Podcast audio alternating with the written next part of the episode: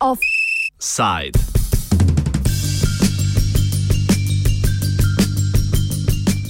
Prepovedane kandidature.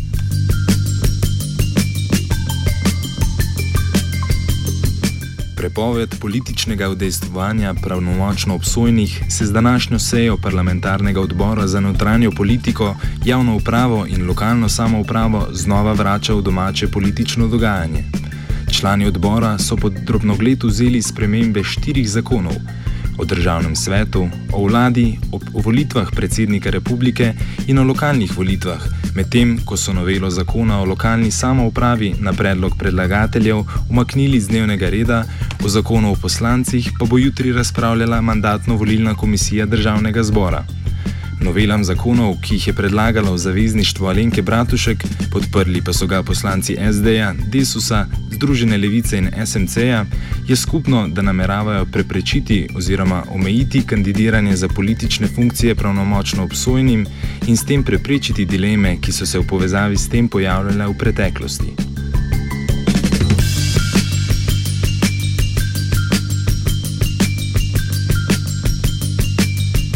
Poskusi omejevanja politične participacije za obsojence sicer niso novi in so že nekaj časa deležni političnega premetavanja. S poskusi omejevanja političnega kandidiranja je s tako, s tako imenovanim paketom Muskolo pričela klinično mrtva državljanska lista Gregorja Viranta, ki je predlagala prepoved kandidiranja vsem, ki so v kazenskih postopkih.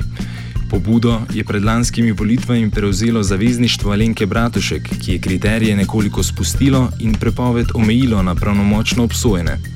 Po volitvah obojeno z idejo Zaba so hitro posvojile koalicijske stranke, ki so novele v uvodu omenjenih zakonov skozi parlamentarno proceduro skušale spraviti po skrajšenem postopku.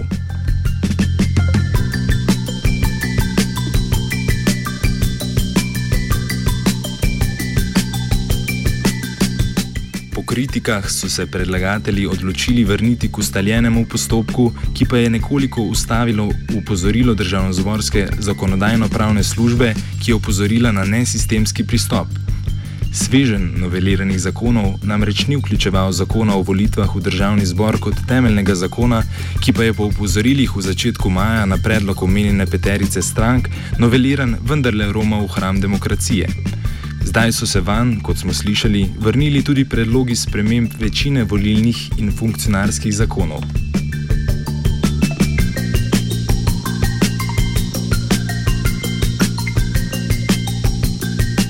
Profesor ustavnega prava na Ljubljanski pravni fakulteti Igor Kavčič se strinja, da je treba urediti področje političnega kandidiranja za pravnomočno obsojene, ima pa do predlaganih sprememb določene pomisleke predvsem glede predloga, da bi prepoved veljala za nazaj. Mi smo ena redkih držav, ki tega vprašanja nismo uspeli v teh več kot 20 letih urediti. Prav se mi tudi zdi, da se ureja za vse nosilce javnih funkcij, ki so neposredno izvoljeni na enak način. To pomeni za poslance, člane državnega sveta, predsednika republike, lokalne, eh, pos, eh, lokalne člane odborov in tudi župane. Eh, je pa res, da predlagane rešitve po mojem mnenju niso eh, najbolj ustrezne. Eh, prvič, posem nespremljivo se mi zdi, da bi ti, pred, ti predpisi, ta sprememba zakona veljala za nazaj, torej za neke eh, že eh, obsojene osebe, temveč je treba to nujno seveda urediti za naprej. Na sporno retroaktivnost predlagane ureditve je pred današnjo sejo notranje političnega odbora upozorila tudi zakonodajno-pravna služba državnega zbora, ki smatra, da je ta v nasprotju z načeli prava. Po mnenju Kavčiča bi morala pri prepovedi kandidature za pravnomočno obsojene veljati časovna omejitev, ki jo sam predlaga za obdobje enega leta po prestani kazni. Namreč, če bi bil nekdo pred desetimi leti obsojen na tako kazen, verjetno mm, nesmiselno, da ga izločimo enkrat za vselej. E, zdi se mi, da neka omejitev mora biti, ureditve v tujini so različne, ali je to ista, isto časovno obdobje, ali je dvakratno časovno obdobje. Skratka, meni se zdi, da bi bilo kakšno leto dni prepovedi od dne eh, prestane kazni ustrezna rešitev. Parlamentarna zakonodajno-pravna služba je poslance upozorila tudi, da že obsojenim ni mogoče naložiti kazni, ki v času, ko so kaznivo dejanje storili, ni bila predpisana. Kavčič, ki se, kot smo slišali, s poseganjem zakona v preteklost sicer ne strinja, opozarja, da prepovedi kandidiranja ne moramo šteti za dodatno kazensko sankcijo. Mi moramo ločiti kazensko sankcijo za osebo, ki je storila kaznivo dejanje. To ni kazen, to ni sankcija, ampak je to izločitveni razlog za osebe, ki morajo med ljudmi uživati zaupanje. Zato tukaj gre. In zato tukaj pri teh omejitvah ne smemo priteravati, eh, da bi ga izločali za celo življenje in podobno, ampak neko obdobje po prestani kazni. Predlagane spremembe na področju potegovanja za politične funkcije predvidevajo prepoved slednjega za vse pravnomočno obsojene osebe, kar prav tako zbuja precej pomislekov. Eh, prav tako se mi zdi, da bi tudi primerjalno gledano nekako pretirano strogo izločali iz kandidatur eh, vse tiste, ki so bili pravnomočno obsojeni. Eh, vem, da se nekoliko nenavadno sliši, ampak vendarle za upravljanje takih funkcij je tudi v primerjalnem pravu določena neka vrsta kaznjivih dejanj, bodi si določena zaporna kazen.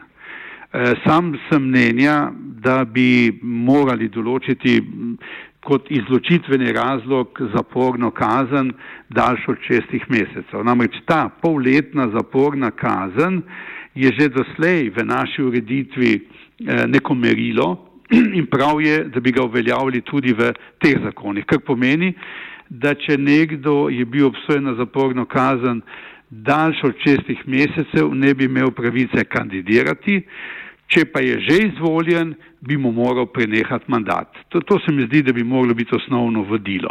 Lahko si predstavljamo dejanja, kot so prometne nesreče, eh, nekatere malomarnostna dejanja, skratka, cel kup takih dejanj, ki verjetno človeka, ki kandidira, ne delajo neprimernega za to funkcijo. Če pa je obsojen na zaporno kazen, ki je pa daljša od šestih mesecev, se mi pa zdi, da je to nekaj več. Mi vsi poznamo eh, tezo, da v Sloveniji se dolgo, eh, dolge prostostne kazni ne, ne, ne izrekajo ravno pogosto. Eh, tak, veliko pogojnih kazni. Torej, eh, če je nekdo res na, za tako kazen obsojen, se, se mi pa zdi ena taka sankcija, da leto dni ne sme kandidirati, pa seveda eh,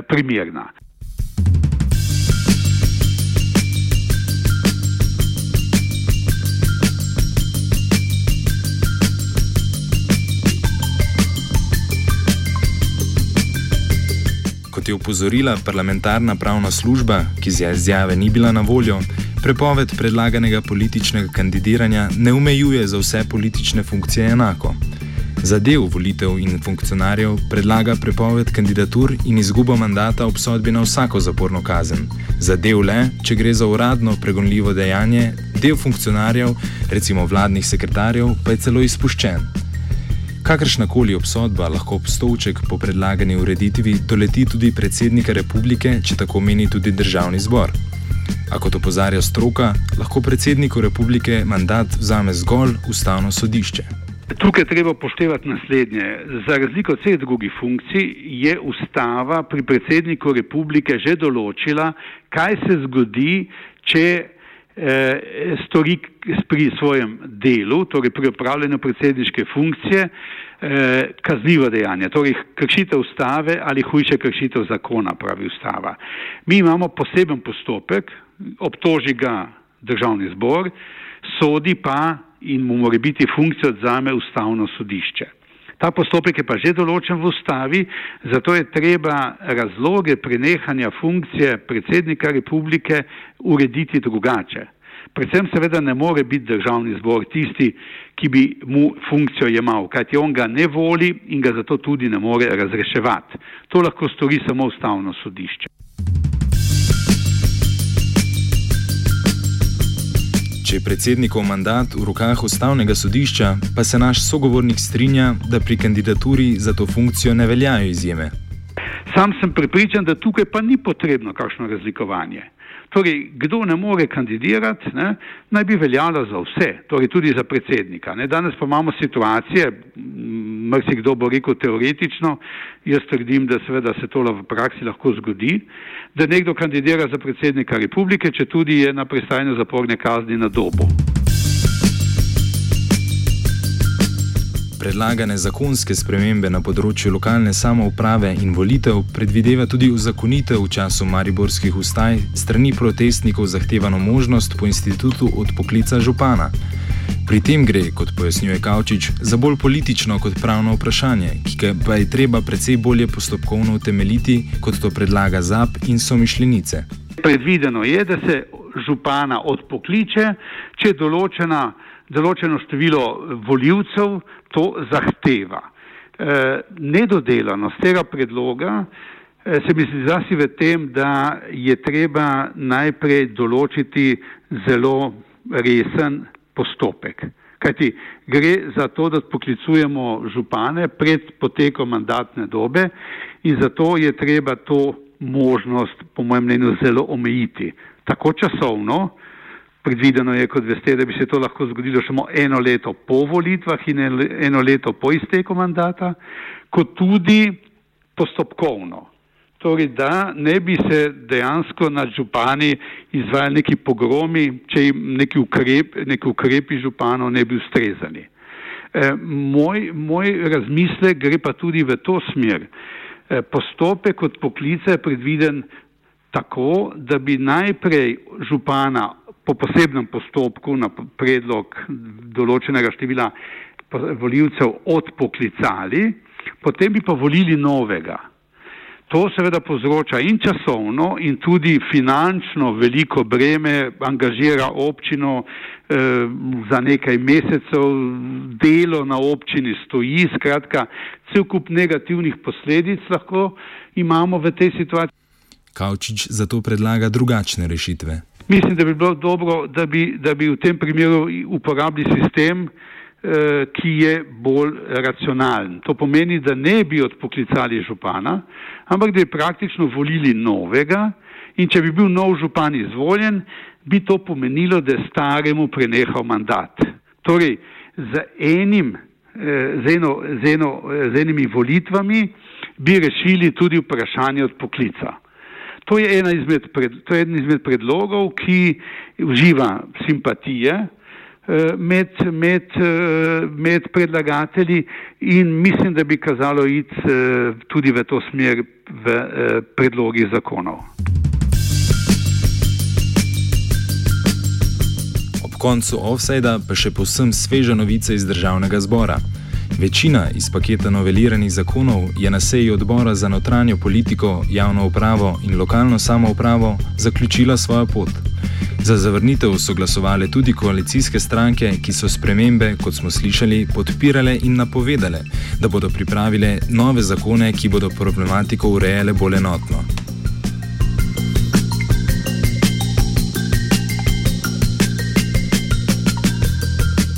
Offset je pripravil Marcin.